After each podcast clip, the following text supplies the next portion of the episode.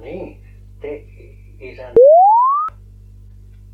kun te olette vanhempia miehiä, kuinka monta ikävuotta teillä oli? Tästä on 83. Jaa. Se, 1875 olen syntynyt. Jaha, jaha.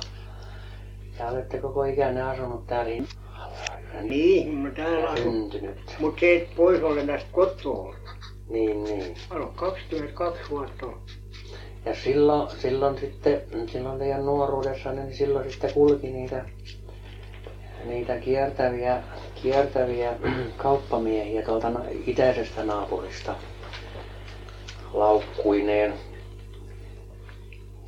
täällä hyvinkin yleisesti. Niin se on ollut kyllä yleistä. Niin. No, no miten, he, miten, miten heitä yleensä, yleensä kutsuttiin sit, ni- tai nimitettiin?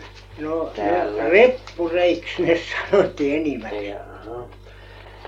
Ja, ja sitten niiden käynnin loppuivat täältä, mm, satutteko muistamaan, että mihin aikoihin ne sitten olisivat kokonaan jääneet jo pois?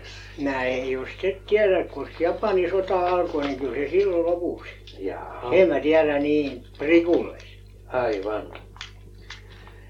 No oliko, oliko heillä mitään semmoista määrättyä mm, kulkureittiä, mistä he kulkivat, että, että tulivatko, tulivatko esimerkiksi Honkilaadesta, Eurasta tai Turusta päin tai Raumalta päin?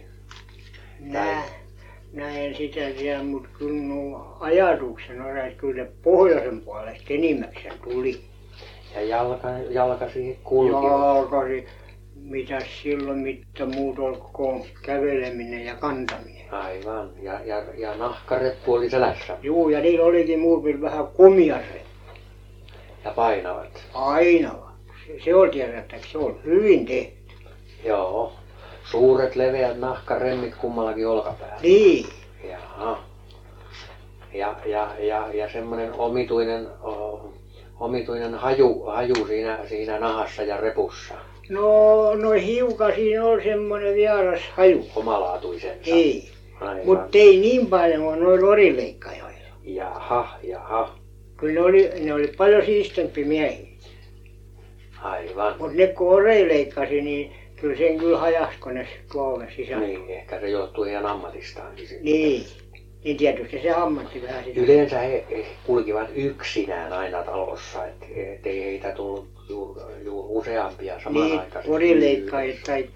Ei mun näitä, näitä kauppamiehiä. Niin, niin ei muut kuin tapauksessa, kun heidän näin ystävyys ja tuttavuukset tuolla Mm. näin, niin sitten se meni johonkin sitten niin kuin puhe, Niin. puheet pitämään.